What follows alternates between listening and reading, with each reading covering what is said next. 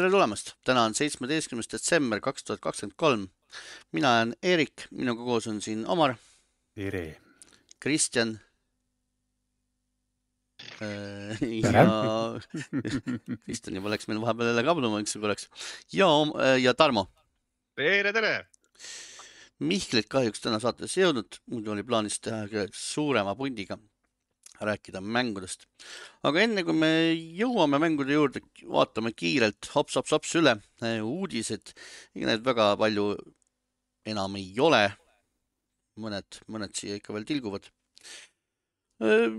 Valve palub Steam Decki omanikel siis tungivalt siin jõulude ajal mitte neid Steam Deckist selle õhuventilatsiooni avast, sellest ventilatsiooni avast tulevaid lõhnu mitte tarbida.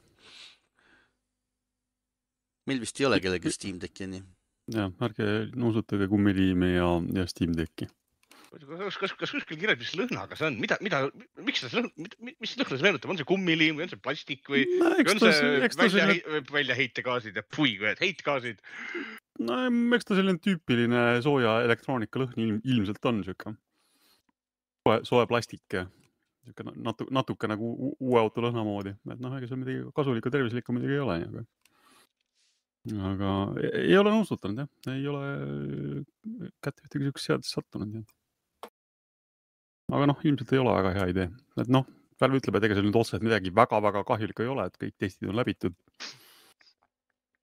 aga noh, suurtes kogustes jah, niimoodi meelega seda nagu sisse hingama minna võib-olla ei ole ikkagi mõistlik aga see arti-, Eurogame'i artikkel väitis, et Oled mudel ei lõhna nii hästi kui originaal. ai, ai, ai, ai, ai. ja ma nägin, et seal mõned, mõned inimesed olid ka mm, tahtnud Steam Decki tagastada, öeldes, et lõhna otsa, et andke nüüd uus. võtaks uue.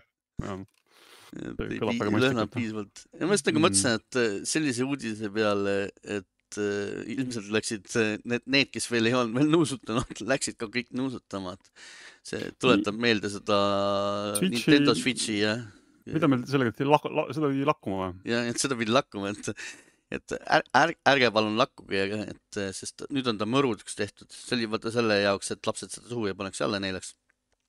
tegid mõrudaks ja siis loomulikult kõik läksid lakkuma ja ma käisin ka, ka, testisin ära tagasi, et kuidas ta maitseb, maitses tõesti mõrudalt. Nonii kõige Nii. olulisem info mängu, mängude kohta, ainult siit aga kuigi aasta on siin kohe läbi saamas, jõulud on ukse ees, jätkame me endiselt äh, koondamist ja firmade kinnipanemistega, millega muus, et ma ei tea kas nad ei kannata või? ei kannata uue aasta, tõesti ei kannata veel paar nädalat ära või? no mis seal nüüd nii väga vahet on, mille, millal see inimestele king on, nad see täna või homme. parem, parem enne jõule ära teha, siis ongi head jõuluvabad, vaata, et muidu mm. kuded, kuded ja muretsed, kuded ja muretsed, et, kas mul on töö või ei ole tööd, aga siis saad rahulikult uut aastat vastu võtta ja uuel aastal uue hooga nagu. õudne lõpp ja lõputu õudus, see on teada, et ega praegu, praegu nagunii keegi töövestlusega midagi ei pea, eks ju, võid rahulikult aastavahetuseks niimoodi varvad sirgu visata. uuel aastal ütled, et see oli mingi eelmise aasta mure, mida sa seda uuesti meelde tuletad? ja ma, ma ikka ei laseks inimese jõulude ajal lahti, et rikuti inimeste jõulude ajal, see on nagu, ma ei tea, see on nagu puhas krents raisk kui raha palga maksmiseks üle ei ole, siis mis sa ikka mm. tiksutadki, et. aa, ma saan tegelikult, okei okay,, tegelikult ma saan aru. jõuluboonus ka maksta ei saa. vot, vot, vot, ei no räägin, sellepärast nad äkki lasevadki lahti, et ei maksa, ei, ei peaks jõuluboonust maksma, et. okei okay,, nüüd ma saan aru, et kähku-kähku enne jõule välja lasta, siis, siis saab ilma jõuluboonuseta. siis saab firma bossile boonus välja maksta, üle tas olla nagu. jah. Äh, aga, aga kogu selle jama hulgas läks hingu, selle pani oma uksed igaveseks kinni ka E3 siis. et selle üritusega on siis nüüd kõik mm. -hmm. vähemalt kuni järgmise korrani, kuni, kuni, kuni keegi, kuniks keegi selle kaubamärgi hästi odavalt ära ostab ja sellega siis midagi jälle teha tahab mm.. aga sel kujul, nagu ta praegu on, siis vähemalt selle. selle seltskonnaga. korraldaja ehk siis ESA poolt, nemad siis ütlesid, ei, neile jättis kas seda oli arvata ka, et see sinnamaani läheb, kui nad no. need oma kõik äh, ära cancel dasid, tühistasid need äh, Los Angeles need ruumid ja no,? no eks see hakkas sellest, sellest hetkest minema, kui Sony ja Nintendo ja need ütlesid, et sorry, et me teeme enda, enda nagu saateid ja üritusi, et. et mis, mis sa, mis sa ilma mingi kahe niisuguse suurema üritajat ikka teed, näitad mingit Electronic Artsi mänge seal ja that's it nagu. no tegelikult sellest Ind, ind, indie-rämpsu show sid on teisigi ju. Sellest oleks ka tegelikult üle saanud, kui nad oleksid rohkem push inud äh, Gamescomi stiilis, et äh, rohkem äh, kohapeal inimestele, et mängude arendajad ja avaldajad saaksid siis mänge näidata ja, ja kraami müüa. et kui, kui nad oleksid kohe alguses selle peale nagu rohkem panustanud, nad hakkasid alles viimastel aastatel sellele panustama ja siis, siis tuli ja siis tuli ka kohe äh, koroona tu- epideemia tuli selga ja rikkusid neil selle ka ära. ja noh, digitaalsel kujul ei olnud neil küll absoluutselt mitte mingisugust mõtet ega, ega võimalustki ka eksisteerida, et seda saab igaüks ise teha. ja noh, ega neid väiksemaid, Sony, Sony siin oli ka, muidu enne Covidit oli juba see, et eh, Sony mõtles üldse ürituste koha pealt, et, et ta pigem panustab väiksematele üritustele lokaalselt erinevates riikides ise, et, et ei lähe selle suure peale, kõik tahavad ju raha saada. Aga E3-ga on jah, siis nüüd lõpp, oli, oli äge asi kunagi. kõik ootasid seda, kuidas seda öeldi, et eh, videomängude jõulud eh, nimetati E3-e siis. Mm.. Nende jõuludega on siis ühel pool nüüd. no ega midagi teha ei ole, maailm, maailm on pidevas muutumises ja vähemalt sellel kujul ta ilmselt ikkagi elas oma aja ära aga mis meil siin siis nüüd suleti? Embracer paneb ju jätkuvalt oma poode kinni seal. järgmiseks siis läks see 3D Realm, Realms ja Slipgate pandi kinni ära. ja Free, ja Free Radical ka, see oli ka nende oma ju. Free Radical oli ka nende oma või? jaa. Mm, okei. seal läks neid jah usinalt nagu, et. nojah, seda me oleme sellest korduvalt rääkinud, kuidas Embracer ostis omal ajal Saudi raha eest hunnikuga igasugust rämpsu kokku et lihtsalt ost-, ost-, ostis ostmise pärast ühel hetkel siis, kui rahalikult kokku keevasid, oli vaja vaatama hakata, et kust saaks midagi kokku hoida millise asjaga on midagi teha, millisega ei ole. mingid osad siis nüüd visati üle parda. Golden Realms, noh jah, olgem ausad, tegemist ei ole ammu enam selle Golden Realmsiga, mis ta kunagi, kunagi oli, nad sisuliselt läksid kunagi pankrotti ja see on lihtsalt selline. vana, vana, vana, vana kaubamärk äratati kunagi, kunagi üles, aga ega nad midagi re reaalselt pärast seda enam teinud ei ole. tahtsin just öelda, kas nad on üldse teinud viimase kümne aasta jooksul midagi ei, põnevat? ei, ei absoluutselt, et seal peale, peale nime seal ilmselt väga enam midagi ei olnud. nii, mis sul veel kinni pandud on? Meil mitte kinni, vaid lisaks, sellele, et mängutööstuses koondatakse inimesi, koondab ka mänguasjatööstus inimesi. et selline äge gigant nagu Hasbro, kellele kuulub siis põhimõtteliselt kõik, mida te lapsed või te ise vähemalt vähegi mängite, alates siis My Little Pony'st ja lõpetades Transformerite ja Monopoly'ga ja meie armsa Dungeons and Dragonsiga, mida kõik praegu fännavad.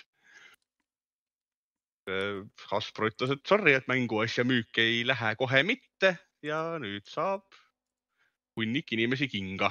no ega lapsed ei tarbi enam mänguasju, anna talle nutitelefon kätte ja on rahu maa peal. no nüüd, noh, nad seda tahavadki, et nad öö, oma nii-öelda selles pressiteates ütlesidki, tahavadki keskenduda öö, paarile brändile korraga ja minna pigem digitaalseks.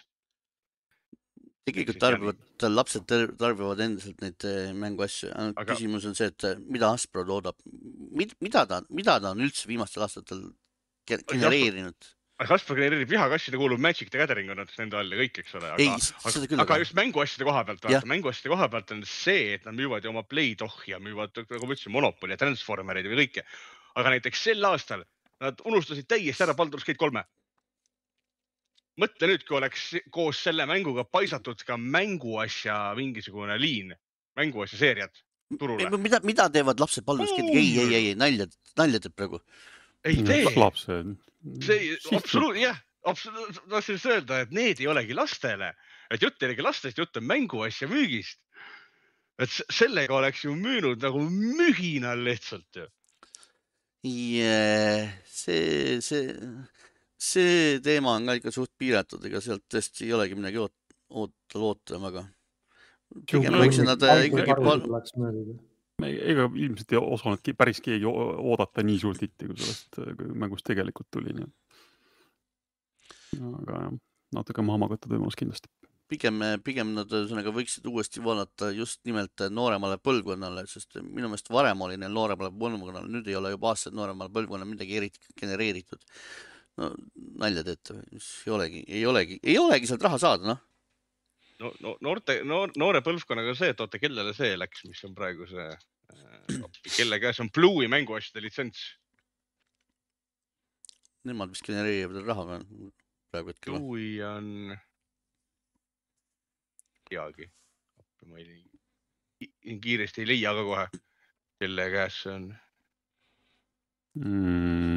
sest eh, näiteks see, see Mattel, mis see Barbi firma oli, oli Mattel või?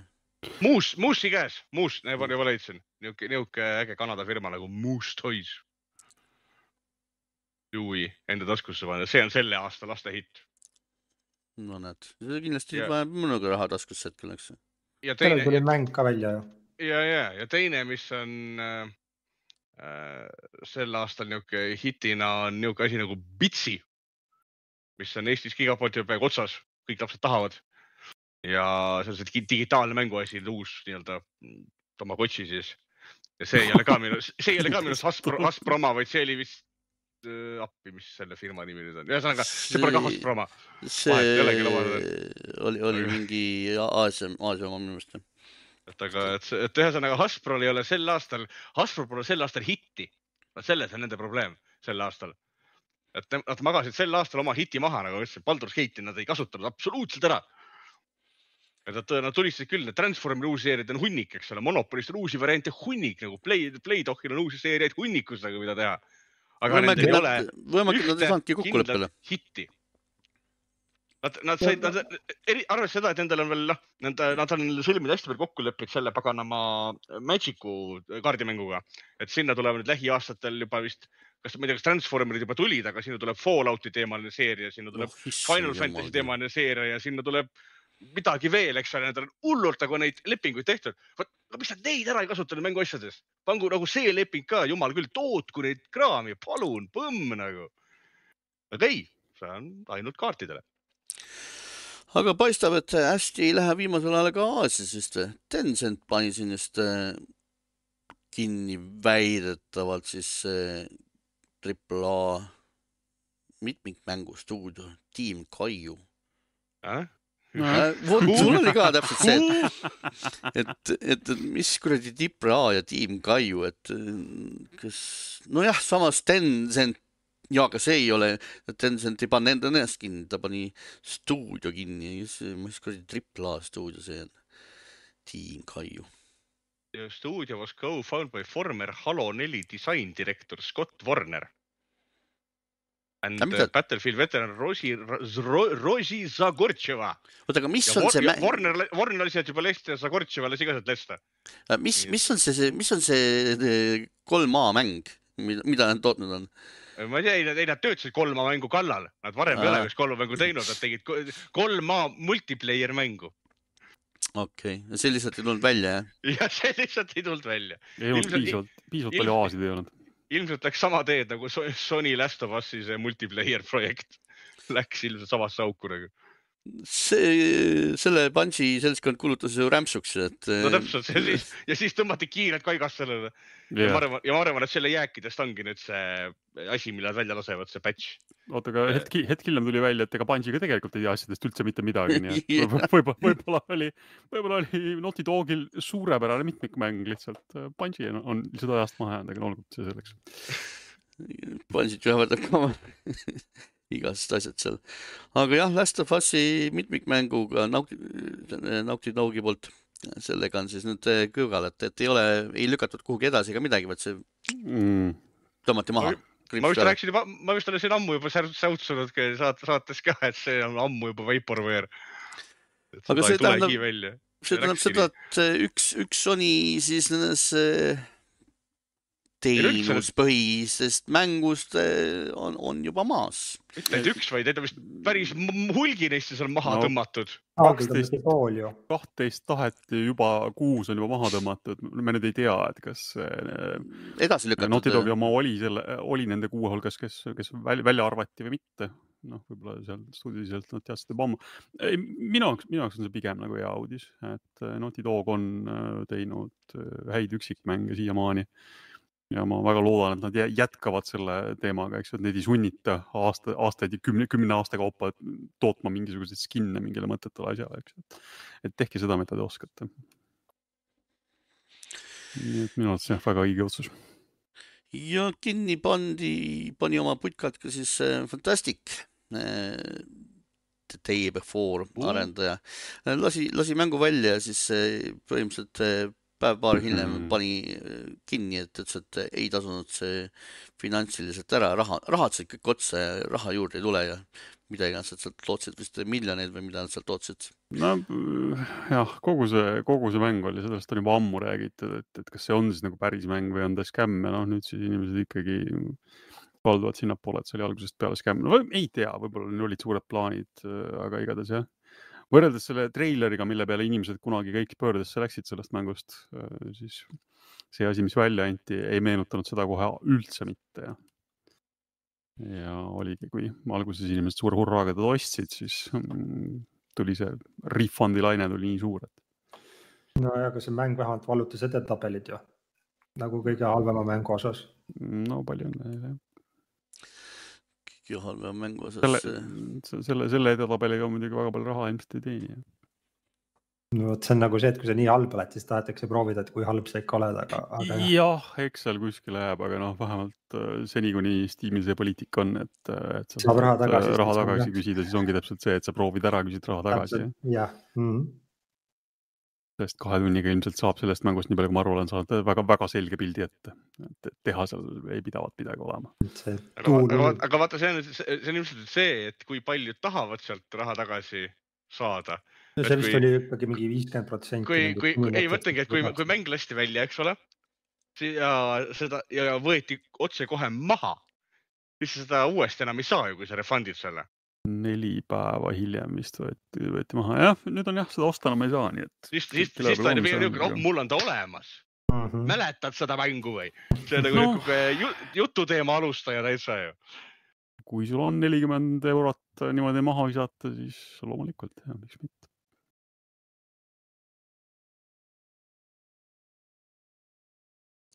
aga, aga, aga selles suhtes, et selle mänguga ei ole ühel pool veel.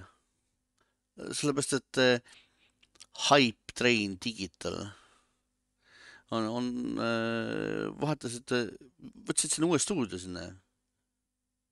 The Wild Eight on nüüd uus stuudio. no ma ei tea, kui seda osta enam ei saa, ma arvan, et see rong on läinud juba, aga no Hype Train on läinud. kanditakse rahasid, tehakse paar ettevõtet veel vahele. Ei, Nad see- ütlevad, et are-, arenduse on täielikult üle võtnud ja, ja mäh. okei okay,, olgu, las ta olla. ei, selle, selle, selle, selle uudisega pigem oli see, et äh, mingisugune, nendel on üks eelmine mäng, eks ole, mille nad tegid äh, nimega The Wild Eight, siis äh, Steamis selle nii-öelda developer vahetus, et ei ole enam Fantastic, vaid on Eight Points. Aga väidetavalt nagu see Eight Points äh, ostis selle mängu õigused ära. et äh, nüüd ta lihtsalt sai oma nime nii-öelda tagasi või selle mängu õigused, aga noh, see on niisugune uus, kõik, kõik veebilehed käivad ja uurivad ainult, et we have sent a message, aga keegi ei vasta nagu. eks, eks, eks see kuuleb veel lähipäevil või nädalatel või mis seal täpselt on, aga no olgu, aga kuidas on äh, lood lineaarsete mängudega, kas need on ka surnud või? ei ole ju. Sony vorbib nagu lepase veega neid. no aga Zelda produtsent EOG Aonuma, tema arvates on lineaarsete mängudega nagu kõik, et see on minevik. unustage ta, ära. ta, ta vist mainis, mainis seda Zelda kohta, et ta Zeldat ei taha nagu- enam lineaarsena teha. et, et tal on seda hea mainida, kui tal on nagu sihuke Zelda nagu taskust ette näidata. mm.. et, et eks ta, eks ta seda, natuke võib-olla ütles seda üldisemalt jah, et, et kes seda tänapäeval nüüd enam sellist väga, väga lineaarset asja tahab, onju. kuigi jah, eks ta ennekõike muidugi rääkis ikkagi enda mängust uh,. no jällegi, kust maalt me tõmbame piiri, mis on nagu päris sada protsenti lineaarne ja mis enam ei ole, et no olgu, kui sa Sonic'it mainisid, siis noh. Ega Sony viimased mängud, ega nad sada protsenti lineaarsed tegelikult ei ole, et sul mingisugune mänguruum seal on, no olgu jah, Last of Us on, seal on küll seda suhteliselt vähe, et see on üsna, üsna no Last of Us, God of War, Horizon, nüüd saab kõike otse läbi teha, eks sa ole. saad ikkagi natuke nagu seal valida, mis järjekorras sa asju teed ja kuhu, kuhu poole sa lähed, eks ju, et sul on ikkagi need erinevad rea- realmid seal, kus ringi trampida. et ma nüüd sada prossa lineaarseks ma ta võib-olla ei nimetaks, eks. Aga noh, see on jälle siuke tõlgendamise küsimus. aga näed siis, aga see siis äh, ütlebki, et Anumal on õigus. no mõnes mõttes võib-olla küll. no aga jah, ütleme The Last of Us on küll üsna, seal on seda seda mängu, mänguruumi üsna, üsna vähe, et seal sa lähed ikkagi üsna, üsna otsejoones. ja ikkagi seda ostetakse ja mängitakse. aga kuidas Kojima mängudega on? kas nendega on ka nüüd kõik, Kojima hakkab nüüd filme tegema? No kuule, sõber Jeffiga siin lava peal just rääkisid ju mitte millestki. mingisugune kümme, kümme minutit vist üli, üliväärtuslikust saateajast. nii et ei, eks ta teeb mänge ka, aga, kunagi aga tulevikus. Death Strandingust hakatakse nüüd jah filmi väntama. noh, sellest võiks teha kohe niisuguse nagu arvutigraafika filmi, sa võid otse mängu cutscene'id võtta ja kinno saata ja ongi olemas ju põhimõtteliselt. ei pea palju vaeva nägemagi, lase mingisugust teksti vahele veel ja. no võib-olla seal mingeid auke peab vahepeal natukene Just. täitma mingi, mingisuguse B-rolliga, eks ju, aga ma ei, tegelikult ei imestaks, kui midagi tulekski sealt, midagi sellist, et nad kasutaksid sealt mängu oma oma kraami ka. mis jooki peategelane joob filmis. noh, seda, kes, kes parasjagu on nõus reklaamiraha maksma. jah, Yeah. vahetu purgilogo. ei no praegu, praegu enam Monsterit ei ole seal ju. ma tean jah, mõtlengi, et see, sellest see nali tuligi, et see võeti ära. mõtlegi, et, et, et keegi, keegi tahab oma jooki sinna, siis Saku, palun, sul on võimalus ka. ja product placement on vaata see treiler. aga mõtle, kui ma ostangi ja see on, sul on, see on kogu mängu pannud Saku originaali lihtsalt lõmps ja lõmps ja nii ette. Aga miks mitte, jumala timm ju.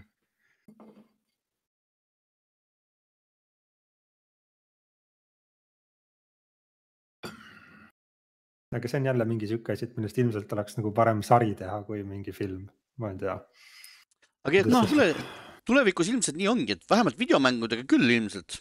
aga saab võib-olla ka filmidega teha niimoodi, et eh, igale turule om- oma toode, et, et eh, kes Eesti, Eesti turul ühesõnaga tuleb film ja videomäng, siis on see Saku, eks ju.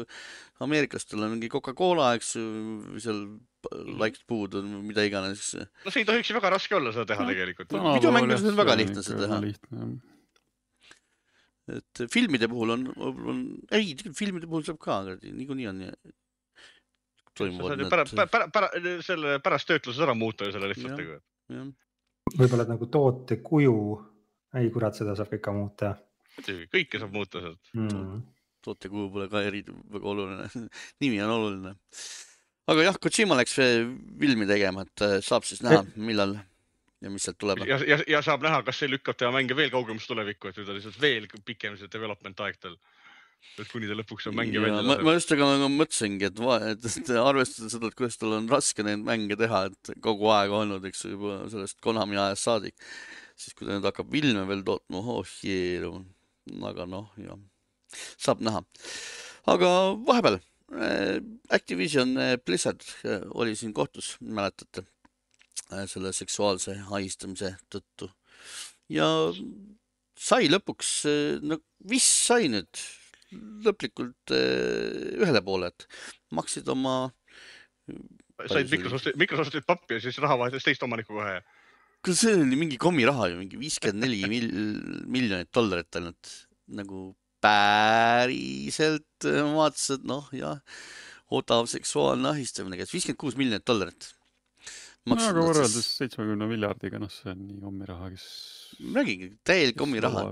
kuulge, kuulge, kuulge, vabandust, see kotik ei viitsi, tead, selle viiekümne kuue miljoni peale isegi täna enam voodist välja tõusta. vaadake, palju tema aastas teenib, eks viiskümmend kuus miljonit. ta ei, ta ei viitsi üles ka mitte tõusta voodist sellise summa peale. Nonii, aga õiglusvõidutses keegi sai raha, keegi, kelle Jah. jaoks see ilmselt oli oluliselt suurem summa kui Kotiku jaoks, nii et äh, palju õnne ja. noh, ost-, ost-, oleks võinud nüüd järgmiseks kümneks aastaks pileti ära kohe osta, seksuaalse ahistamisega. okei okay,, nüüd enam ei saa, nüüd on Microsofti käes. Aga kui me Activisionist räägime, siin äh, aast-, aasta lõpus, saate lõpus Tarmo tahab kindlasti hakata Zeldat rääki-, Zeldat kiitma, aga, oi, aga, aga Zeldaga on selline lugu, et äh, ei ole ta nii ikka nii hea mäng, nad äh, Call of Duty Modern Warfare kolm, mida kõik maha laidavad, tundub ikka päris kordades parem olema, müüb ikka mühinal, müüb, müüb ikka korralikult. oota, mis ajast see, et asi müüb, tähendab, et ta on jube hea, mis ajast inimesed on lõpetanud ära rämpsu ostmise või? ei usu. mille poolest kiirtoit sulle Ei hea on, vaata, vaata, palju ostetakse ja nii edasi ja nii edasi. Zelda, Zelda on kolmanda kohaga rahul, pole hullu. Zelda võib sul müügitabelis kolmas ka olla ikkagi, eksklusiivmäng ainukesena seal esikolmikus. Ega ei, mind ikka vaikselt paneb muigama, et kõik muidugi räägivad, kui halb mäng see on ja oi, me ei osta seda mängu ja siis kõik ikka ostavad seda mängu, kõik mängivad seda mängu. mina ei ostnud, kas sina ostsid? ei, No, no, siis ei, vaat kõik siit-, siis kõik ei osta. ei no vast, vot siit ongi see nagu, et, et, et meie võime öelda, et see on halb ja ja meie Discord võib öelda, et see on No halb ja meis- mingi Reddit, saja tuhande peale Redditi grupp võib ka öelda, et see on halb, aga kakskümmend miljonit pereisa ostavad julmalt lihtsalt selle Call of Duty, sest nende jaoks on see äge.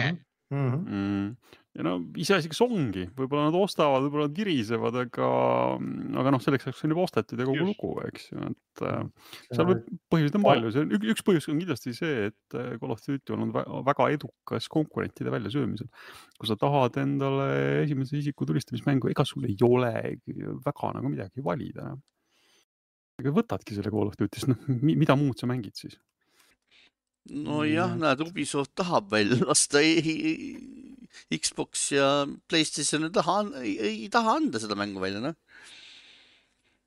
muidu oli, näed siin Call of Duty tapja, rahvas oli, kiitis ka taevani seda, aga no nii, aga ole hea, tuleta mulle meelde, mis selle nimi oli, sest ma enam ei suuda ma ei suuda enam meenutada. X-Defiant, vist oli aa, X-Defiant. X-Defiant jah, olgu jah, no näed, sa pidid ikka natuke järele mõtlema. ei, ma võiks natuke pidin ka mõtlema, et kas mingi, mingi X-iga asi oli, Mm -hmm. aga kusjuures see, see nüüd läkski jälle kaduma, pidi, pidi sel aastal ikka välja tulema, nad ju lubasid, et no vi- vist said nagu jutule Sony ja Microsoftiga, aga ma ei tea, läks kaduma jälle, jälle läks kaduma. no seal olid mingisugused asjad liikumises, mida mm, inimesed kiitsid, mida Call of Duty polnud ammu teinud ja siis äh, kui seda kiideti kõvasti, siis nagu ma aru sain, siis Call of Duty'sse võeti sealt mingid elemendid ka ikkagi viimasel hetkel jälle sisse, nii et, et läks see konkurentsieelus jä- jälle ka kaduma. ma kahjuks nüüd väga täpselt enam ei mäleta, mis pagana hüppamised või mis asjad seal olid.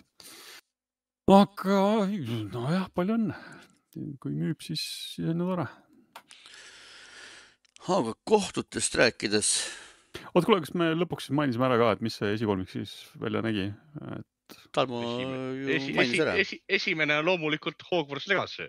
Nonii, Harry, Harry, Harry Potteri fännibaas ei alista mitte ükski Call of Duty ega Zelda. teise koha napsas endale Call of Duty Modern Warfare kolm, Activision Blizzardi väike lüpsilehm. kolmandal tiksub rahulikult siis Legend of Zelda, neljanda kohale on tõusnud Marvel Spider-man kaks, kes sõi sealt esikolmikust välja siis Madden NFL kahekümne nelja. Esineliikus siis see tähendab, viiendalt kohalt leiame Diablo ja kuuendalt Modern Warfare kahe, nii et Activision Blizzard on esikuuikus esindatud kolme mänguga. et ma arvan, et Microsoft on väga rahul oma ostuga. nagu mühinal. kõik puhas rämps on ju. Hogwarts, näed, Hogwarts ka näed ka, jah. Potter, nojah, nagu sa ütlesid, Potteri fännile võib müüa mida iganes. mida Potteri fänn iganes ei, alista mitte ükski, see läheb nagu soe sai lihtsalt. kõik, kõik läheb. aga kohtutest rääkides eh, sai Epic Games versus Google kohtu nali sai siis äh, lõppu või noh, päris lõppu ei ole veel saanud, eks neil on aega nüüd äh, võimalik otsust edasi kaevata Google'l. Aga Epic Games on hetkel e-, esialgse otsusega väga rahul. mind nagu pani imestama, et kuidas nagu Apple sai võidu täpselt samade asjade puhul sai Apple võidu, aga Google kaotas täpselt samade asjade puhul. ma, nagu ei saa loogikast aru mis kõige naljakam on veel see, et äh, Androidi peal seal tegelikult on ju võimalik Täpselt. panna, panna püsti konkureeriv äh, äpipood, kui sa tahad. Nad ei ole seda väga lihtsaks teinud. No need seal... eksisteerivad, need lausa eksisteerivad, on olemas. no nad on olemas jah ja., et noh, seal tekib see küsimus, et äh, et mille jaoks sa pead kuskilt APK tõmbama, mille jaoks sa pead äh, kuskilt sealt seadetest lubama selle, et sul kolmanda poole APK-sid installitakse ja nii edasi ja nii edasi, aga põhimõtteliselt on Androidi peal see võimalik. Äh, iOS-i peal ei ole. ja, ja, no. ja samal ajal nemad said võidu ja Google kaotas selle. mul see kahe käega peas kinni, kes nagu maailm on no, nagu totaalselt ümber pööranud no olgu, igatahes jah, seda lõplikku lahendit, mis sellest nüüd siis muutub äh,, ega ei olegi, sest noh. no Tim jah, juba käis vingus Twitteris või selles X-is, et et ega see lõpuks midagi ei muuda, Google jätkab oma, oma vabas, vabas vaimus, ta arvab, et Google jätkab samas vaimus no ma ütlen, ma natuke saan nagu Google'ist aru, eks ju, et äh, Android, noh, Apple'i puhul on see, et eh, kogu see arendusraha, mille nad iOS-i kallavad, selle nad teenivad tagasi iPhone'ide ja iPad'ide müügi pealt. okei okay,, iPad'il on oma iOS-iga, no olgu see tuumik on sama um,. et nad teenivad selle seadmete müügi pealt selle raha. Google ise äh, Androidi seadmeid, noh, pikslite müük on noh, täiesti marginaalne kogu selle turuga võrreldes, et, et, et äh, Android on selline suhteliselt vabaks kasutamiseks mõeldud opsüsteem, samas nad sinna arendusse topivad ikka metsikult raha sisse ja noh, kuskilt peab see raha tagasi tulema, siiamaani on see tulnud siis äh, Playboy vahendustasudest, eks. aga noh, kui siis nüüd kohus otsustab, et ei, et nad peavad selle mm, enda kogu oma töö siis ähm, noh, avama kõigile vabaks kasutamiseks, et kõik võivad seal peal raha teenida nii palju, kui tahavad. et Google matab arendusse raha ja siis kõik teised lüpsavad seda nii palju, kui tahavad, noh, see on ka nagu ausalt öeldes natuke naljakas aga noh, see, see avatud süsteemi mured ja valud paraku on.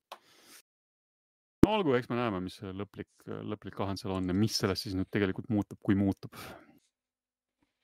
aga Epicule no palju õnne siis jah. Ma natuke lihtsalt jah olen mures selle, sellepärast, et, et see nüüd tõesti ei hakka siis äh, tähendama seda, et meil hakkab Androidi peal lokkamatult mingisugune pahavara mm, levima, sest, sest inimesed jah, ei tea enam, kust poest nad mida tõmbavad, aga, aga no eks, eks me saame näha. Nonii. aga Epic, Epic äh,, jõulud on. Epic hakkab kohe jälle tasuta mänge räägima kõigepealt al mm, alustas. minu arust on nad neid, iga nädal ära jaganud, et mis seal nüüd siis väga uut on? no vot iga jõulude ajal jagavad nad tihedamini ja ägedamaid asju. no nii, kas nad ägedamaid, see on juba teine teema, aga, aga nad annavad rohkem asju ära, siis ütleme niimoodi, et kui muidu on mingi paar tükki nädalas, siis. no ikka suuremaid asju nad on andnud ikka. siis nüüd on siin, nüüd on siin iga paari päeva tagant. hetkel siis saate noh, jällegi täiesti tasuta mängu annavad tasuta ära, no olgu, Destiny kahele saate mingisuguseid lisasid, mille eest tavaliselt maksma peab minge siis korjake, korjake neid kahe käega. aga seitseteist mängu siis äh, läheb selle aastasel jõuluperioodil siis jagamisele, et me loomulikult ei tea veel, mis need kõik olema saavad, aga hoidke siis silmad lahti ja käige siis Epiku poest võtmas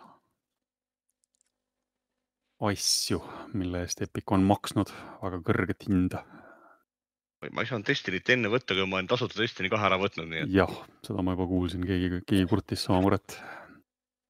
et sa ei saa Destiny lisasid võtta enne, kui sa Destiny enda konto peale lisad.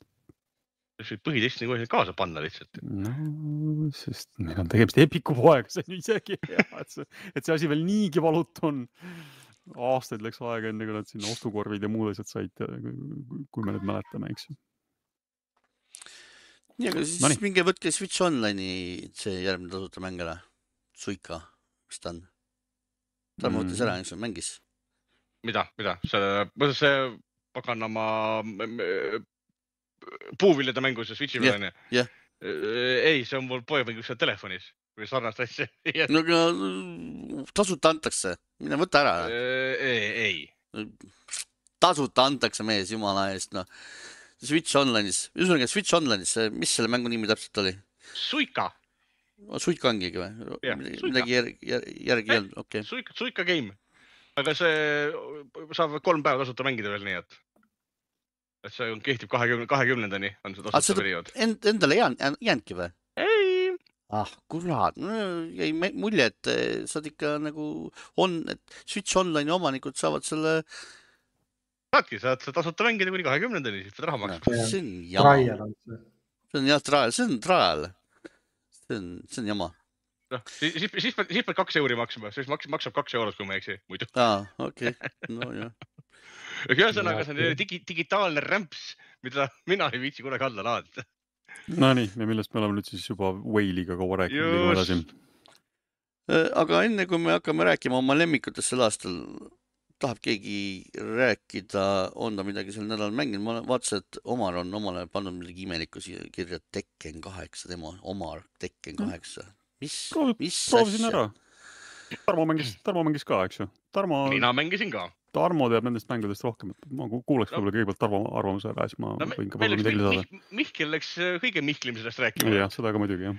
Et aga minu, minu, minu kogemused Tekkeniga piirduvad pigem nagu casual tasemel, et mulle meeldib sõpradega kodus taguda, et ma olen alates Tekken kahest mänginud kõiki Tekkeni mänge ja alates Tekken neljast hakkasin ma neid nii-öelda natukene vihkama. sest äh, siis Tekken, Tekken neljast alates hakkas, muutus ta niisuguseks ähm, õhus hoidmist juggle'i põhiseks, kus mehed põrkasid maa pealt üles ja siis äh, žonglöörimine, vastasega võimalikult, žonglöörimine. pidi teid võimalikult palju peksma, ilma et ta midagi vastu teha saaks. Ja noh, Tekken kaheksa otseselt ei erine sellest millegi, sellest millegi poolest, sest seal on ründemängule veelgi rohkem asju juurde antud. ehk seal on need teatud rünnakud, mis äh, käivitavad sinu, mis selle nimi oli, dash attack oli vist see kohe või mingi selline, kus sinu tegelane tormab vastase juurde ja siis saad teda veel karistada, kuigi sa ta just minema lõid. ja tundus selline ilus ja mängitav ja et ma arvan, et ma toksin seda ikka, sest ta multiplayer'is on selles mõttes äge, et kas seal saab sellest juggle'ist nagu välja ka tulla või, või kui sa õhus oled, siis sa põhimõtteliselt kui, oled kui, kaotanud? kui sa õhus oled, siis sa saad ikka nii kaua peksa, kuni sa peksa saad, eks ole, kuni vastane oma kombo ära teeb või tropib. Mm. on nagu niisugust väljatulemisvõimalust või noh, võib-olla, võib-olla Mihkli jaoks on, eks ole, võib-olla tema valdab mingit tehnikat, mida mina ei valda. aga no minu jaoks ei olnud, vähemalt mäng ei õpetanud mulle seda. osades mängudes on mingid kombo break'id. osades on jah, osades Mhm. on, aga mulle vähemalt Tekken ei õpetanud mulle sellist asja. No ilmselt ei ole siis jah, ma ei tea, et siis vaatad seda mingit äh, a la need meistrivõistlused või midagi, siis keegi kellegi õhku saab, siis tead, et see round on tema oma. just, et selles mõttes sinna, sinna nahka lähevad. ei, selles mõttes mäng on lõbus, nägi väga äge välja, välja arvatud jälle see, et äh, absoluutselt iga mahakukkumise peale lendab betoonitükke maast. et mehed, mehed ja naised kaaluvad seal vähemalt kolm tonni. suured ja rasked mehed loomulikult. just, palju tegelasi seal trial'is või temas nagu proovis neli. Ne, ne, nelja saad kasutada, aga vist äh, vastaste hulgas oli veel niisugune näputäis uusi Kes näpusid. kes need olid muidu, keda sai proovida? Paul, Jin, Kazuya ja Nina okei ehk niisugused põhi, okay.. põhitegelased, keda inimesed äkki teavad. ei, täitsa vahva oli, minule, minule täitsa meeldis, et vaata, ma ei oskagi sellest nagu niisugust midagi analüüsi teha, et kui minul puudub sellega selline professionaalne tase. Hmm. minu, minu jaoks oli, on see selline äge mauramine, et sa viskad selle peale, ta on, et teda on lihtsam mängida kui näiteks Mortal Combatit. no ja vaata, Mortalis siis sa juba pead hakkama valima neid erinevaid. rääkimata Street. Fighterist muidugi. just, ei, mina ka, ega ma ei tea nendest mängudest peaaegu veel oluliselt vähem kui Tarmo. aga lihtsalt huvi pärast ma kuulsin, et see demo on PlayStation viie peal on, on väljas, tõmbasin korraks ära, proovisin ära mm,. ma vaatasin seda story mode'i algust, esimene peatükk või mis, mis seal mängitav on ta on hästi ägedalt Jaapan, ta on niisugune mõnusalt üle, üle võlli Jaapan äh, ja noh, nagu see klassikaline võitlusmängude valem on, et sul on natuke seal seda lugu vahel ja siis äh, hakkavad jälle kaks tüüpi üksteist siis tümitama aga noh, siin nad olid ikkagi natuke rohkem vaeva näinud, kui ma mäletan mingit Mortal Combat äh, üheksat või kümmet või mille story mode'i ma viimati mängisin, kui seal oli niimoodi väga toorelt, et, et et seisid seal tegelased, ajasid mingit juttu, siis oli see kõige tavalisem, klassikalisem kaklus kahe võiduni, eks ju, et siis siin pikiti vähemalt seal esimeses äh, alguses, noh, seal oli sellist sinemaatilisemat äh, materjali vahel, et algab üldse sellega, kuidas tüüp sõidab äh, tsikliga pilvelõhkuja seinast üles ja siis viskab tsikli helikopteri selga, eks ju. see puruks täiesti. ja, ja, ja keegi viga ei saa, keegi viga ei saa. absoluutselt muidugi, see teine tüüp tuleb. siis kaklevad edasi. kas vulkaani ka näitas või? Vulka, vulkaani näitab, kui sa vaatad selle nii-öelda eelmiste mängude kokkuvõtteid mm., siis seal näitab, kuidas kordamööda kuristikku ja vulkaani visatakse üksteist. Mm.. see oli päris, päris huumor, päris huumor oli vaadata seda. Kokkuvõtte, ma ei tea, kas, ma ei tea, kas Omar vaatas. No, see... poole silmaga natuke, need olid mustvalged jah? jah, must, mustvalge story kokkuvõttes, kus sa kasutad samu animatsioone, et kui on ja siis ta kuulutas välja King of Iron Fist Tournamenti ja, ja näitab täpselt sama niuke, samad vennad kukuvad kogu aeg, nii. ja siis ta võttis selle, võitis, võttis teise mehe ja viskas ta kuristikku. Mm. -hmm kordusatakse isa, siis poeg, siis vanaisa, siis isa, siis jälle.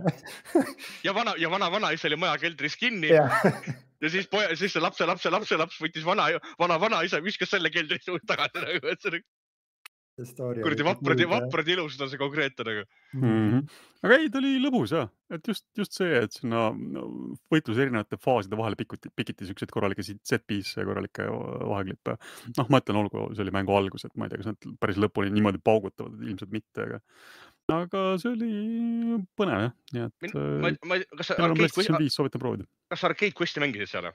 Seal on see teine mäng nimega Arcade Quest. ma alustasin sellega, sellest ma nüüd ei saanud väga täpselt aru, kellele, millal seda vaja oli. seal olid mingid suurte pea, peadega sellised animetegelased olid sinna pandud omavahel rääkima ja vestlema, mingid mm, jah, olgu see, see ei olnud küll kohe absoluutselt minu, minu sihtgrupi jaoks pro, mõeldud.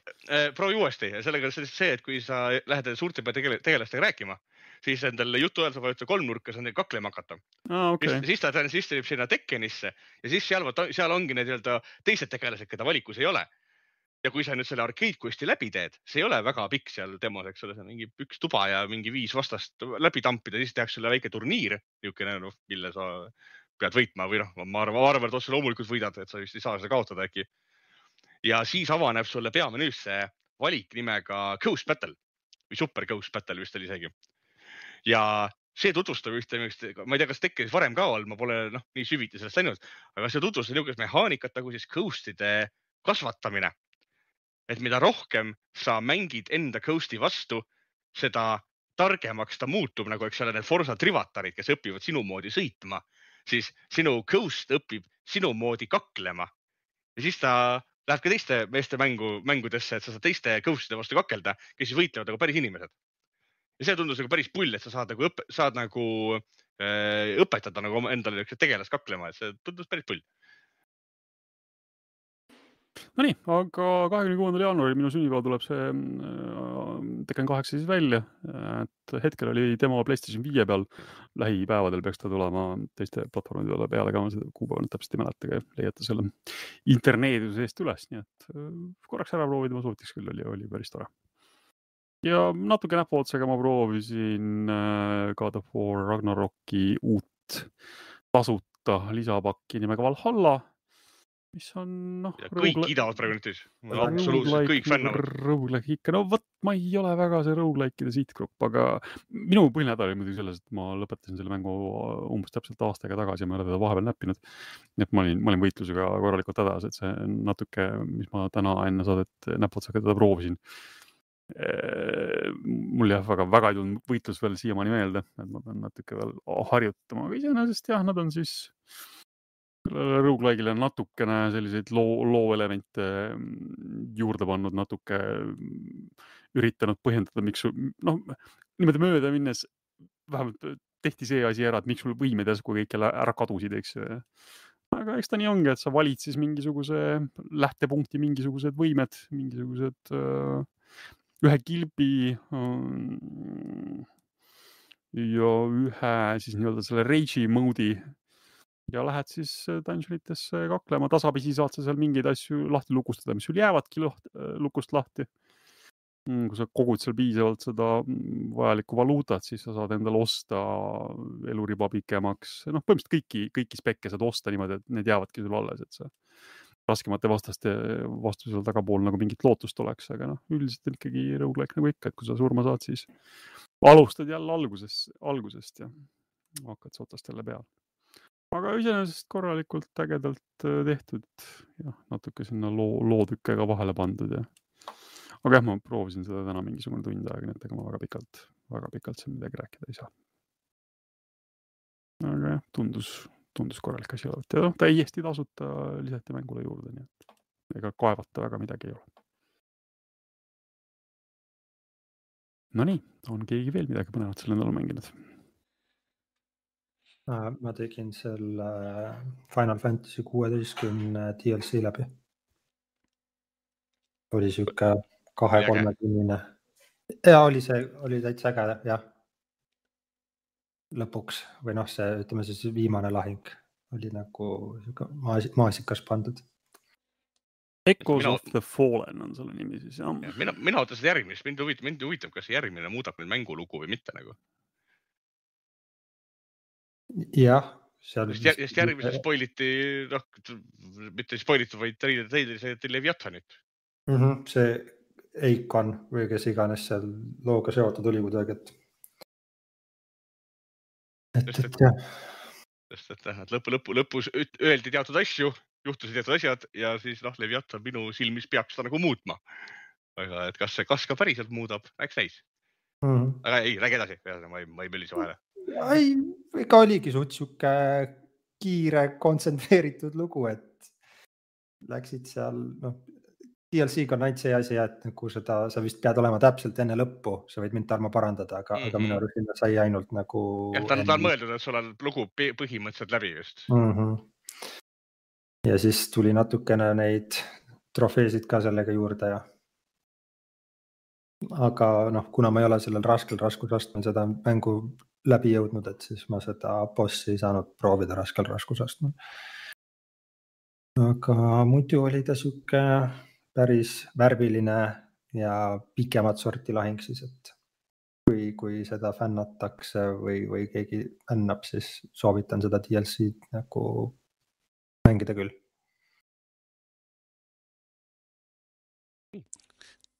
nii, aga Kristjan, räägi siia kohe otsa, et on selle aasta mäng. mis on sinu selle aasta lemmik? mm,? otsest lemmikut ma ei oska tuua, aga mul oli nagu sihuke kolm mängu, mis jäid nagu meelde sellest aastast. Need, need, mida sa mängisid mm? -hmm. jah, no ei, ma mängisin tegelikult mingisuguseid mänge nagu veel, aga, aga nagu selle aasta mängudest jah, et Äh, esimene neist oli siis äh, Metroid Prime Remastered või Remaster või ma ei mäletagi, mis seal lõpus oli, aga igastahes äh, vana mäng uuel kujul, et sihuke nostalgiline aasta noh. ja kas sa tahad, et ma räägiks sellest mängust ka midagi või, või, või kuidas sul see mõte on?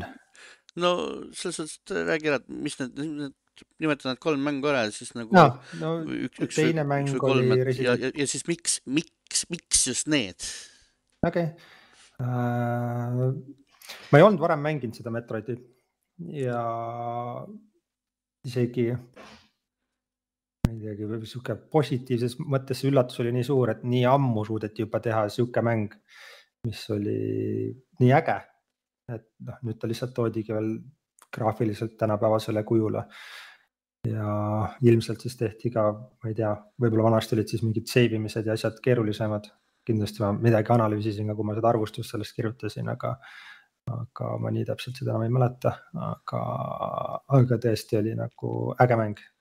et see paneb ootama mind seda Metroid Prime nelja või mis järjekorras peaks järgmine olema, mis nad vist teevad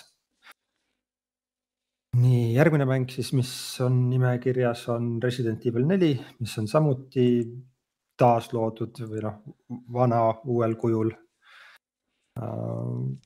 oli jälle, mulle nüüd meeldis sellest see, et nagu okei okay,, mulle see neli ka meeldis, Tarmole vist neli ei meeldinud. et äh, aga nüüd ta oli natuke siuksel teisel kujul, et ta ei olnud nagu täitsa üks-ühele sama, et, et mingeid kohti oli ikkagi natukene muudetud ja aga sihuke tulistamismängu vibe oli tal endiselt alles ja täitsa äge oli seal zombidega võidelda. ja, ja viimane mäng, mis jah, vist kõige rohkem tunde on saanud, siis oligi see Final Fantasy kuusteist. et, et see mäng mulle ka väga meeldis. Äh, jah, sellega oli kohati kahju, et ma ei saanud seda nagu lühema aja jooksul nagu rohkem mängida, et ta mul jäi siukseks poole aasta projektiks. ja seda mängu, ma ei tea, nagu kui teist kahte ma soovitaksin nagu kõigile küll väga mängida, et siis seda ma otseselt nagu ei soovita, lihtsalt nagu mulle meeldis see väga. et ta ei ole nagu midagi nii erilist, et noh, nagu me Tarmoga arutasime, et oleks seal olnud see, et mingisugused äh, efektid või need elemendid. no nagu, nagu, Final Fantasy, nagu, nagu Final Fantasy seitsme remake'is olid mm. -hmm. et, et kus, et kus sa saad vähemalt kasutada, et mis sunniksid kasutama mingi teatud elementi teatud tüüpi vastaste vastu kasvõi. juba parem mm, -hmm. juba parem. sest praegu, sest praegu mäng taandus sellele, et sa lihtsalt valid oma tugevaimad äh, Santetsuken, Santetsukeni ja mm -hmm. lihtsalt annad tina, kõik.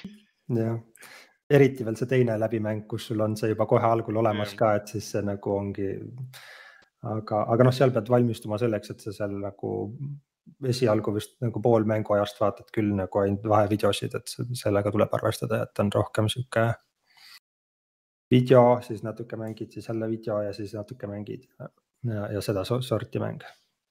et kui esimesed kaks on sihukest, kus sa ikkagi oled enamus aega in action mängus ja siis on nagu neid videosid natukene pandud, siis siin on nagu jah, päris suur rõhk sellel nii-öelda videodel vot, et need olid minu kolm. ma otseselt ei oska nagu öelda, mis neist nagu see kõige tugevam on, et, et nad kõik mõjusid kuidagi erinevalt. selge. mina mõtlesin oma mängude peale, mõtlesin selle aasta peale.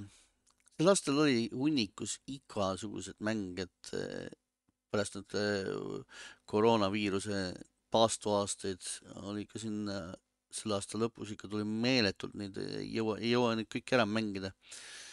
aga vaatasin ja mõtlesin, et kõigil on alati mingi puudus, et päris mitmeid asju, mida ootasin, kohati isegi pettusin või, või midagi jäi nagu häirima, et näiteks, näiteks Baldur's Gate kolm, eks, et ta on, ta on mingis mõttes hea mäng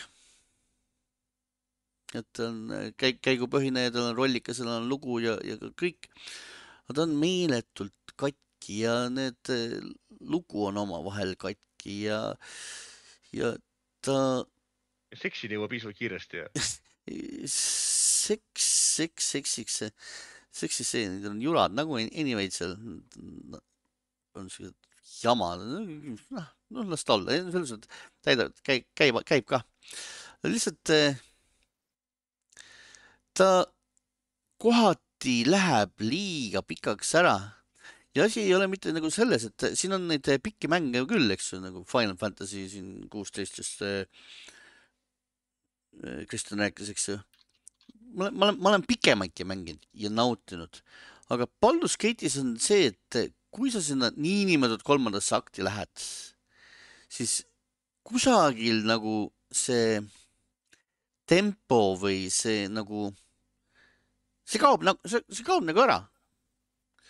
et sa avastad ennast lihtsalt ringi töllamas ja mid, midagi nagu kaob ära ja, ja sul, sul on nagu tekib see efekt, et kuule, ma ei taha nagu edasi ka minna, sellepärast et ma ei, ma tahaks mingit head lõppu saada, et ma tahaks nagu siit ikka eest, eest asju teha et mida, midagi on nagu puudu, midagi on nagu puudu, selles suhtes, et selle tõttu näiteks Baldur's Gate kolm minu lemmikutest jääb tegelikult välja.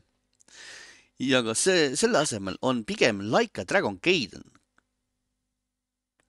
mäng, seeria, mida ma väga ei fänna, eriti, aga esiteks ta on niisugune hea mõnus äh, väike amps, ta ei ole väga pikk. ja Mis see siin on, Kristjan, Kristjan siin kurtis, et Final Fantasy kuusteist, et eh, koosneb väga palju äh, videostseenidest, vahestseenidest, siis eh, minule just vastupidi meeldib.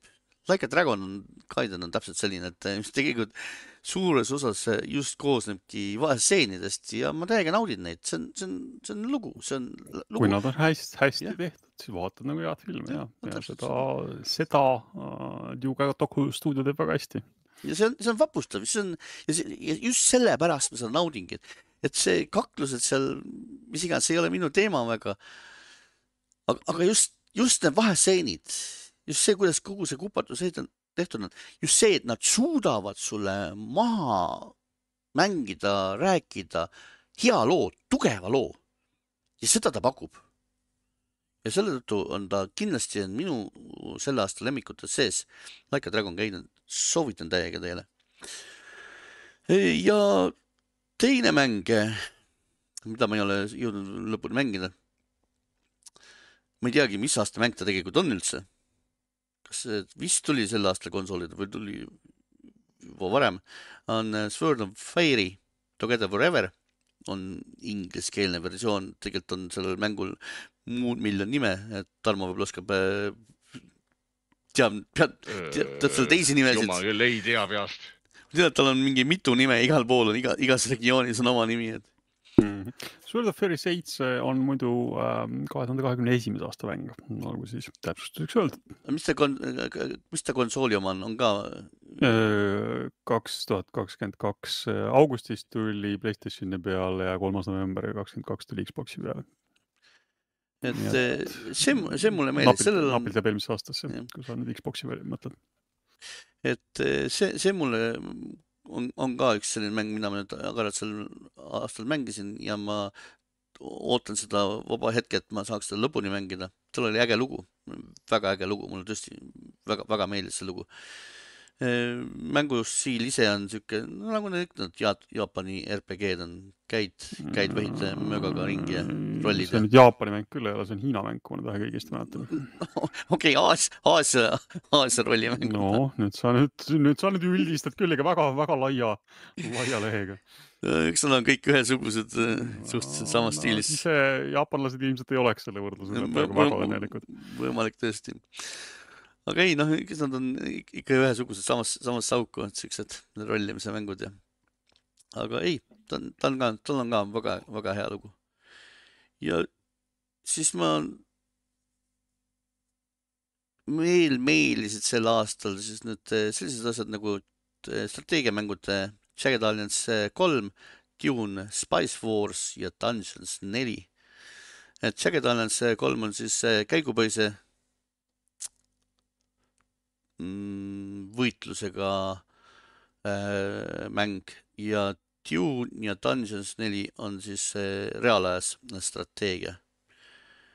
et äh, kui Jagged Alliance kolmes midagi ehitamist ei ole, majandamist väga ei ole, ta oli hea mäng, ta oli nauditav mäng, siis veidi jääb ikkagi virisemaks, et natuke jäi ta ikkagi Jagged Alliance kahele alla, seal oli, oli mingeid elemente, mis oleks võinud eh, kahest üle võtta, üle tuua, aga muidu, muidu jäin rahule selle mänguga. ja Dune ja Dungeons neli on jälle, et mul pooleli, Dune ootab nüüd kuskil oma aega. tahan seda mängida, kindlasti tahan seda mängida, sest ta on äge eh, kasutajaliides jätab veidi soovida küll, aga, aga see reaalaja strateegia seal ja see poliitika seal ja, ja majandamine seal kõik kokku ühe kompotina koos. ta, ta, ta on äge, ta on, ta, ta on igati äge, et oot-, ootan kannatamatult seda aega, millal sellega jätkata. ja Dungeons neli on ka samamoodi, et peaks olema nüüd kohe-kohe nüüd eh, lõpule saamas. Aga nüüd tänu avatarile jäi ta ka sinna pausile. see on samamoodi seal majandad, ehitad eh, oma ko- baasi ja siis, et äh, headele äh, kangelastele siis pasunasse ära panda, et kurjus võiduks, et, et sellised on minu selle aasta nagu lemmikud. aga see Lamplighters, kui see oleks terve mäng olnud? Ta, vot ma ei oska öelda, et ma ju ei mänginud talle kuhugi, kuhugi, kuhugi poole pealegi vist mitte, ta oli, ta oli paljulubav, ta oli, ta oli äge. aga jah, ta oli nii ropult katki, et mm, ma ei tea, põhjusega ei maininud seda üldse. ta lihtsalt ma oli mäletan, katki. nagu kiitsid seda mängu kuni selle piirini jah, kui ta hakkas sul seal mingi mälupuuduse tõttu vist kokku jooksma või ma ei tea. Ma ei viitsi, viitsi, viitsi, viitsi mingeid asju, mingeid missioone, ma ei tea, mingi isegi, isegi tead kümne, kümmet minutit ma ei viitsi tavaliselt nagu uuesti korrata. aga no kuulge, kolmest tunnist rääkisin, vaata oh., kuule kolmetunnist missiooni ma kohe kindlasti, kohe kindlasti ei hakka mitte kunagi tegema, isegi kui see oleks crash inud mul ainult ühe korra. kui ja kui see oleks crash inud täpselt selle koha peal, kus mul kolmetunnine missioon niimoodi minekut teeb, siis mm, aitab poisid. Pange oma mängu kuradi siis jumala eest autosave või midagi. kuule tõsiselt, ei mul Nii läks et... samamoodi ämbrisse kunagi BioShocki mingi lisapakk, mis mul jooksis kokku ja siis panin käima tagasi, oli nii kaugel nagu salvestus, et nagu mõtlesin, ma ei viitsi. tehke oma mängu autosave'id, tehke oma mängu autosave'id, lõpetage ära raisk. sest te niimoodi, niimoodi te kaotate, niimoodi te just kaotate ka mängijaid. Ma pean mingeid tunde ja tunde uuesti tegema, ma ei hakka seda tegema, ma, ma tõsiselt, ma ei hakka seda tegema. nojah, iseenesest raha oli neil juba selleks hetkeks käes, et arendaja väga midagi ei kaotanud, aga sihuke endale lihtsalt sita maitse suu. aga jah, minu selle aasta mängudest eh, mina kiidan eh, kõige rohkem siis eh, Like a Dragon Gaidenit. et soovitan Omaril kindlasti ette võtta selle. Noh, see kindlasti see plaan mul on, siis kui järg sinnamaale jõuab, sellega läheb natuke aega. aga mina mängisin sellel aastal Like a Dragoni sarjast mängu nimega Ishin mis tuli Jaapanis välja juba aastal kaks tuhat neliteist, aga, aga ei olnud läände siiamaani veel jõudnud, nii et veebruaris tuli ta läände lõpuks ka ja mängisin ära ja väga-väga tore oli. see oli küll tõsiselt äge. et no eks ta noh, ta ei olnud nüüd selline Kivami äh, tasemel äh, remake, vaid ta oli ikkagi noh, lihtsalt sellise vana, vana mängu remaster. Ja erinevalt siis äh, suuremast osast äh, Yuga Kotoko stuudiomängudest äh, ei olnud ta siis mitte nende enda mootor, vaid nad olid ta tõstnud Unreal'i, sest nad ütlesid, noh, sellise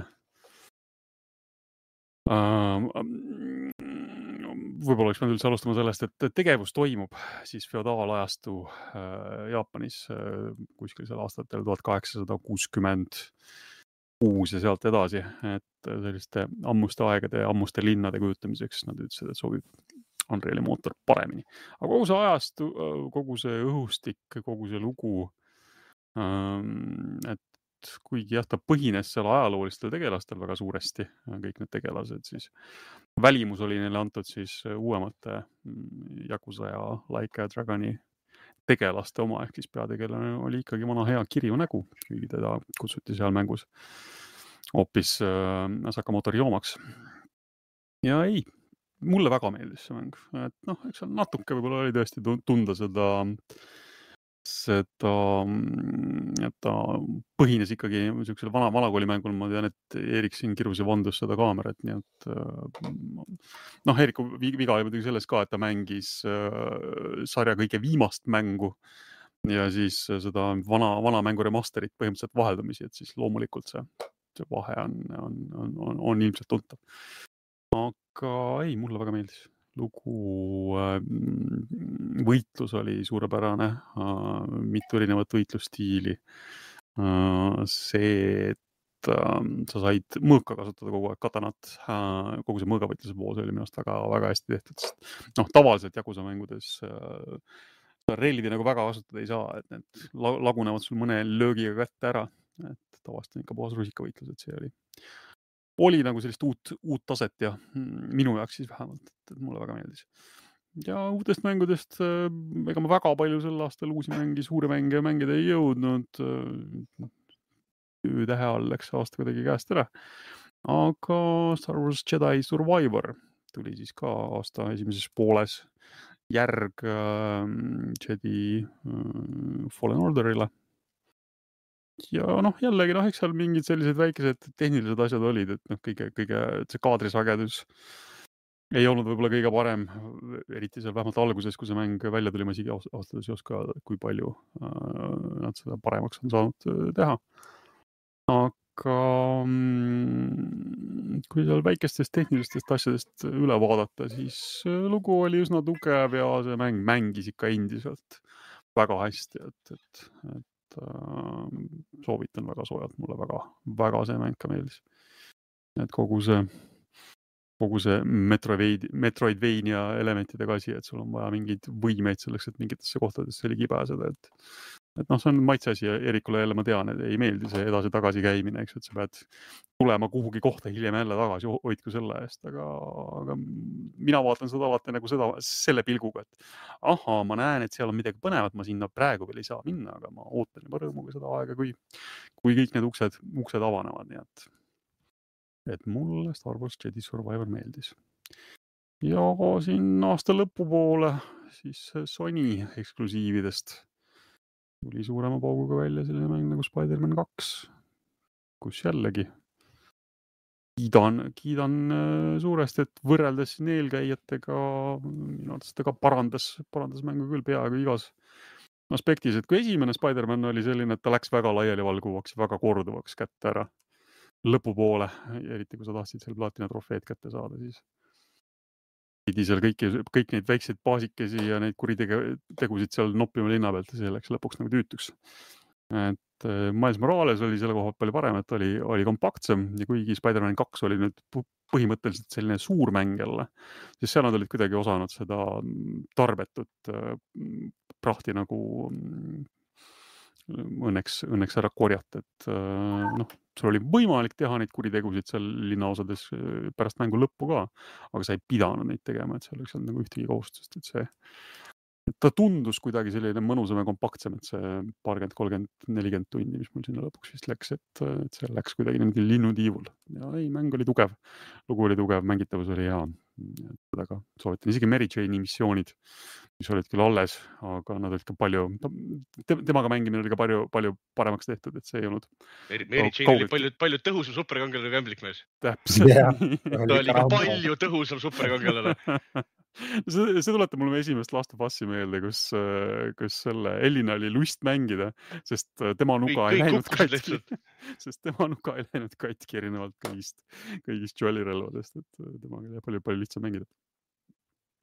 Aga jaa äh,, minu kolmik, ma neid ka nüüd väga nüüd ei hakkaks järjekorda panemagi, et o- noh, nad on nii erinevad mängud, aga samas, samas kõik ikkagi tugevad, nii et äh, Like a Dragon Ishin, Star Wars Jedi Survivor, Spider-man äh, kaks äh, saavad kõik minult soe soovituse, kõik tasuvad mängimist kindlasti.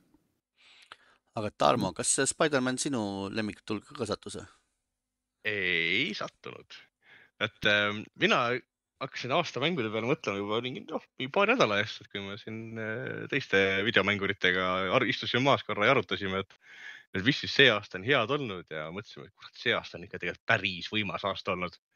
et meil oli Resident Evil, meil oli Baldur's Gate, meil oli Armored Core kuus, meil oli Spider-man, meil olid Like a Dragon, meil olid kaks Like a Dragonit ilmselt isegi, meil oli Hogwarts, meil oli Jedi Survivor, meil oli Street Fighter kuus, meil oli Diablo neli see nimekiri lõputu selles mõttes, et see aasta oli täiesti ulme, kui hea oli mängur olla selles mõttes. noh, et uut kraami, head kraami tuli ikka lademes, sel aastal oli väga hea olla mängur, võib-olla päris mitte nii hea aasta olla mänguarendaja. just täpselt. ja ma mõtlesin, et kui ma peaksin panema need kolm mängu või noh, rohkem, aga ma piirasin kolmega, et mis mulle see aasta väga meeldinud ma mõtlesingi nende peale, mida ma olen tegelikult kõige rohkem mänginud ja mis mulle pakuvad, mida ma, mille juurde ma ikka ja jälle tagasi tulin. et äh, need on jälle, võite panna järjekorda, võite mitte. minu jaoks on nad nii-öelda natukene järjekorras. et siis ähm, esimeselt kohalt leiame sellise ägeda mängu nagu The Legend of Zelda Tears of the Kingdom. Mis on siis vana hea Wildi järg, otsene järg, ainult et maailm on põhimõtteliselt kaks korda suurem. seal on palju rohkem asju teha, saad endale sõidukeid ehitada, seal on veel rohkem füüsika, füüsika baasil puslesid. seal on veel rohkem ringi tuiamist, maailm on rohkem elusam, näeb ägedam välja. relvade, relvade kokkulappimine ehk see mehaanika, mis lubab sul asju üksteise külge liimida, on tegelikult väga-väga äge. et äh, Tears of the Kingdom on minu selle aasta vaieldamatu tipp, mis üldse mängudes välja tuli. sest äh, liiga palju Zeldat ei ole kunagi halb. ja jumal küll, kui teil seda veel Switchi peal ei ole, siis miks te juba ei osta? minu mure oli lihtsalt see, et ma tegin selle eelmise osa mitte nii kaua aega tagasi läbi ja siis ma mõtlesin, et ma nagu võin enda elamuse ära rikkuda, kui ma neid nagu nii vahetult mängin. mul, minule meeldis selle puhul, et Tears of the Kingdom jättis selle nii-öelda maailma suuruse saladuseks põhimõtteliselt kuni launch'ini. et see põhimõtteliselt nad suutsid, kui ajastul, mil kõik lekib kogu aeg, absoluutselt kõik lekib. Nad suutsid seda maailma suurust hoida saladuses kuni siis Zelda lekkimiseni. et see Zelda lekkis ka kahjuks äh, mingi jupp aega enne mängu väljatulekut ja siis piraadid hakkasid seda vihaga mängima juba ja siis hakkas selle kohta infot tulema ka ametlikes kanalites. see oli väga äge, et nad, et nad seda ära ei spoil inud. Nii. Ja ma kuskilt lugesin ka seda, et need arendajad panid sinna mingeid asju sisse lihtsalt, et nagu kuna neil endal arenduses oli kasutusel näiteks see üles liikumine või vaata see, kus sa saad kiiresti yeah. maalt välja et siis mõtlesin, et noh, miks me siis seda kasutajatele ka ei või panna nagu yeah., siis tegid selle ühe supervõimeks minu ja see, ja põhimõtteliselt. see jumala mugav, see oli jumala Jaa. võime oli see. mõista. nii, teisele kohale asetaksin ma niisuguse asja, noh kui nüüd alles hiljuti eh, niisugune äge maadleja nagu CM Punk tuli WWE-sse tagasi ja ta eh, lahkus kunagi sealt eh, firmast sellise tohutu sõja ja kõiki sildu maha põletades seal, ka tükkides hakkides siis nüüd ta tuli WWE-sse tagasi ja tema särgi peale kiri, et hell has frozen over. Ja mina olen aastaid materdanud kõiki mobiilimänge ja öelnud, et konkreetne kelts ja kõnts, noh peale Pokemon Go muidugi, siis sel aastal ilmus Pokemon Go developerilt Niantikult Monster Hunter Now, mis on minu aega nüüd äh, septembri, alates septembrist siiani neelanud juba kakssada seitsekümmend viis tundi. ja ma julgen öelda, et ma mängin seda vähemalt kolm korda nii palju veel, kui mitte rohkem see on absoluutselt, see on absoluutselt kogu minu Pokemon Go mängimise aja endale võtnud. Mi, mi, mi- mille poolest, mis ta teeb eriliseks, mis ta teeb teistest erinevaks? ta, ta, ta teeb, ta ei, ma ei saagi öelda võib-olla teist erinevaks, aga ta pakub mobiilis Monster Hunteri kogemusele kõige lähemat kogemust. mulle meeldis väga ka Monster Hunter Rise'i mängida näiteks, eks ole, mis oli hästi mõnusaks ja mugavaks tehtud minusuguse casual fänni jaoks. näiteks World'i ma ei suutnud sisse minna, World oli minu jaoks kohutavalt igav. nagu mänguna, ma olen mitu korda üritanud, ma olen siin noh, mingi neli, viis, kuus, seitse tundi mänginud seda World'i ja no ma ei suuda, see ei ole absoluutselt minu jaoks. Aga Rise mulle meeldis ja Monster Hunter Now, et vaatamata sellele, et tema juhtimissüsteem on lihtne mobiili peal, swipe imine edasi-tagasi, siis ta on piisavalt taktikaline, et mulle meeldida. ja see hästi scratch ib minu Monster Hunteri nälga kuniks järgmise, loodetavasti siis hea osa väljatulekuni. mis toimub kunagi. Nii-öelda nagu raha kasutamata ka mängida või seal peab nagu min, min, mina mina saab selles mõttes, mina ma olengi mänginud, mina ostsin ära ainult ühe selle alguspaki, mis seal oli. et äh, seal alguses pakuti mingisugust pakki, kus sai natuke rohkem nänni juurde, mingi viie euro eest, ma ostsin selle, ostsin ära.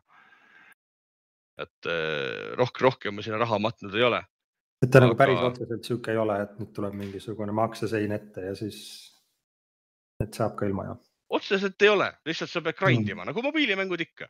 et tõmbad Mm. grind, aga Monster Hunter üks osa ongi grind, kui, kes on Jaa. Monster Hunterit varem mänginud, siis sa tead, et sa pead nagunii tapma loomi, et saada nende küüniseid ja nahku, et paremaid relvi teha, et rohkem loomi tappa. ja siin on see lihtsalt veel pikem, sest äh, Niantic on otsustanud äh, gate ida mitte ajaga, vaid eludega. Ehk äh, potion'id maksavad raha, et kui tavaliselt Monster Hunteris saad sa neid ise craft ida, juurde teha endale, siis siin, kui sul viis tasuta potion'it iga päev otsa saavad, siis sa pead neid juurde ostma. ja üks potion oli vist siis, appi palju üks potion maksab, kuuskümmend münti, sada viiskümmend münti on kolm eurot ehk siis oh, mingi euro viiskümmend on üks potion Hmm. kui tahad neid kulistada ja rohkem mängida, aga minu jaoks on selles mõttes ideaalne, mina ei taha seda päev otsa mängida. Ma mängin seda, eks ole, koeraga õue, teen oma ringi, tapan kolle, jumala timm. sõidame autoga linna, panen mängu käima, see küll kiiresti liikudes ei luba mängida, vaid seal on see piirang peal, aga kui ma jään eufoorida seisma, väga hea, timm, saad mängida, peksan kolli. ja minu jaoks on see äge selles mõttes, et äh, ma soovitan kõigile, kellel on Monster Hunter kunagi meeldinud, proovige ära. et see võib täitsa teile meeldida, raha tal on jah niisugune, noh, on näha, et on ahne, kuna ta elusid nii-öelda geidib, aga mina olen siiamaani hakkama saanud, nii et pole, pole probleemi.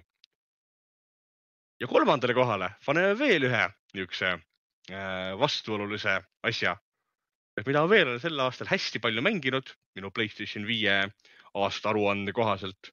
Forspoken. ei olnudki NBA või VV Wrestling? ei, need, need, need, need on küll head, olen, olen mõlemat palju mänginud, aga Forspoken oli sel aastal võttis päris suure ampsu minu ajast. sest tegu on siis äh, Square Enixi nii-öelda palju siunatud avatud maailma märulirollikaga, kus siis äh, noor New Yorgi neiu Frey satub siis nii-öelda noh, ma ei saa öelda võlumaale, aga jah, kuhugi teise maailma nimega Athia. tal on tänu ühele vidinale, mis ta leiab, on tal mingisugused võluvõimed ja miskipärast arvatakse, et ta peab nüüd seda maailma nelja kurjaks muutunud valitsejanna nõia käest päästma hakkama. ja see on nüüd mäng, mis mulle nii-öelda oma selle vastuvõtu ja olemuse poolest meenutab kõige rohkem Death Strandingut. sest Death Stranding oli üks nendest mängudest, mida mina, milles mul polnud absoluutselt mingit haipi selles mõttes. ja ma võtsin ta kätte ja ma põhimõtteliselt armusin sellesse peale esimest paari tundi. siis ma sain aru, et see on üks minu all time favorite. ja Forspoken oli selle aasta omadega sama. et äh, kui selle demo lasti välja, tulid videod ja siis terve internet täitus lihtsalt niisuguse, kuidas öelda, mustamisega. et appi, kui halb on dialoog ja appi, kui kole on see tegelane ja, ja nagu, aga ja, ma ei näinud nagu seal mitte mingit mõtet, et miks, miks seda nagu niimoodi mustatakse. sest minu jaoks oli see tegelase käitumine ja see dialoog nagu ääretult selline arusaadav.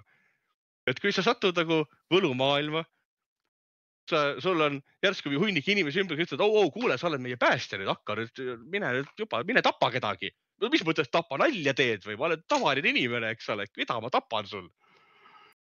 et, et see nagu kõik ütlesid, et noh, et see Frey ei ole üldse selline meeldiv kangelanna ja ei peagi olema nalja teete või? nägi, nägi väga kena välja ju. jah, et, et, et jumala äge ja mida rohkem see mäng edasi läks, vot see või võib-olla see ongi selle viga, täpselt nagu Death Strandingu puhul, et kui Death Stranding enne siis seda nii-öelda Director's Editioni patch'i või Director's Cut'i patch'i võttis jupp aega, enne kui ta nii-öelda käima läks. Ja siis ta käib, läkski käima alles kuskil kolmandas chapter'is, mis oli kümme tundi, noh, mängu algusest onju. siis äh, Forspoken on tegelikult sama, et ta läheb nii-öelda käima peale esimese nii-öelda selle nõia alistamist. Kuule, see on siin... nagu, nagu avatar, avataril on ka, et nagu läheb, läheb, läheb mäng alles käima midagi pik, pikemat aja jooksul yeah.. sest, sest et see esimene, siis sa hakkad ju võluvõimeid juurde saama, et absoluutselt kõik arvustused, kes netis on, ma olen täiesti kindlad, et nad ei ole esimese nõiani jõudnud.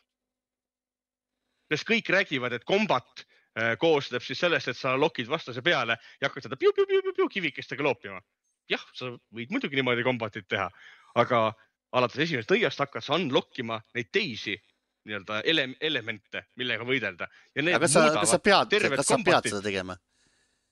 küsimus, kas sa pead seda tegema no,? sest no osad vastased on teiste asjade vastu nõrgemad, et kui on sul mingisugune tuulele või noh, tuulele elektrile nõrk vastane, eks ju, siis sa pead vahetama elektrimaagia peale. aga, aga saab piu-piu-piu ka teha? saab teha, aga see võtab palju rohkem aega okay täpselt nagu Final Fantasy, sama nagu Final Fantasy seitse läks sama asja kohta, et kui sa saad, sa saad tõesti konkreetselt brute force ida kõiki bosse, lihtsalt neid pekstes ja kasutades asju, aga kui sa kasutad magic ut, mis on nende elemental weakness, läheb kõik palju sujuvamalt ja palju kiiremini. äkki see oli ka asi, et kõik ühesõnaga tegidki piu-piu-piu. no täpselt, ma ütlengi, et äh, ma olen täiesti kindel, et keegi ei mängiks mängu piisavalt kaugele. et seda nagu üldse avastama hakata. ja noh, ja arvustusi visati välja, aga minu jaoks oli see selle aasta üks konkurentsitumaid naudinguid.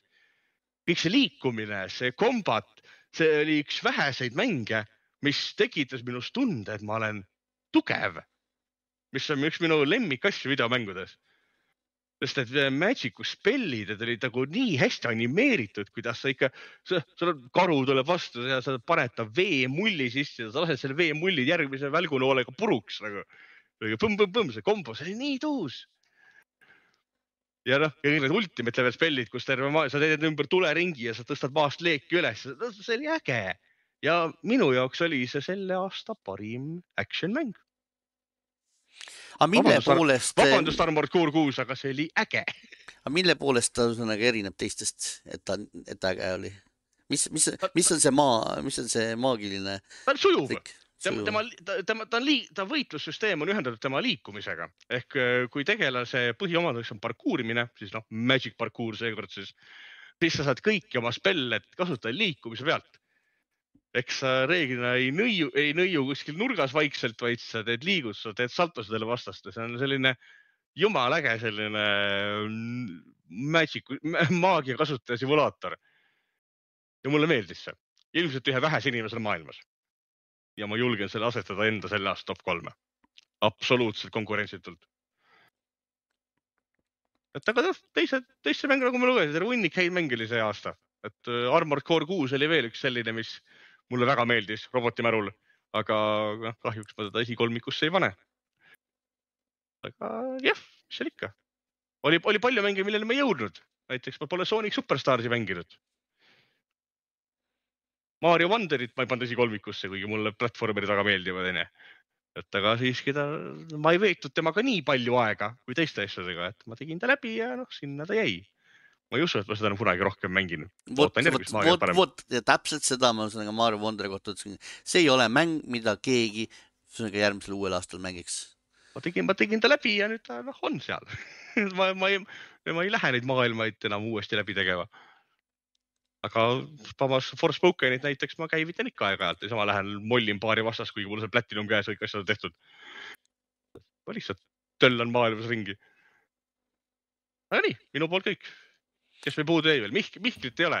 Mihkel mainis vist meie Discordis, et tema lemmikmängudeks olid Street Fighter kuus ja mis teine oli, ah muidugi, Baldur's Gate. Need on väga-väga temalikud, kuna tema on meil kaklu, kaklusmängude mees ja DnD mees, siis kaklusmäng ja DnD mäng on täpselt tema, tema rida. nii et ma üldse ei, ei imesta seda. Ühesõnaga hea meelega küsiks, et kaugele Baldur's Gate kolmega jõudnud ta lükkas seda kogu aeg edasi.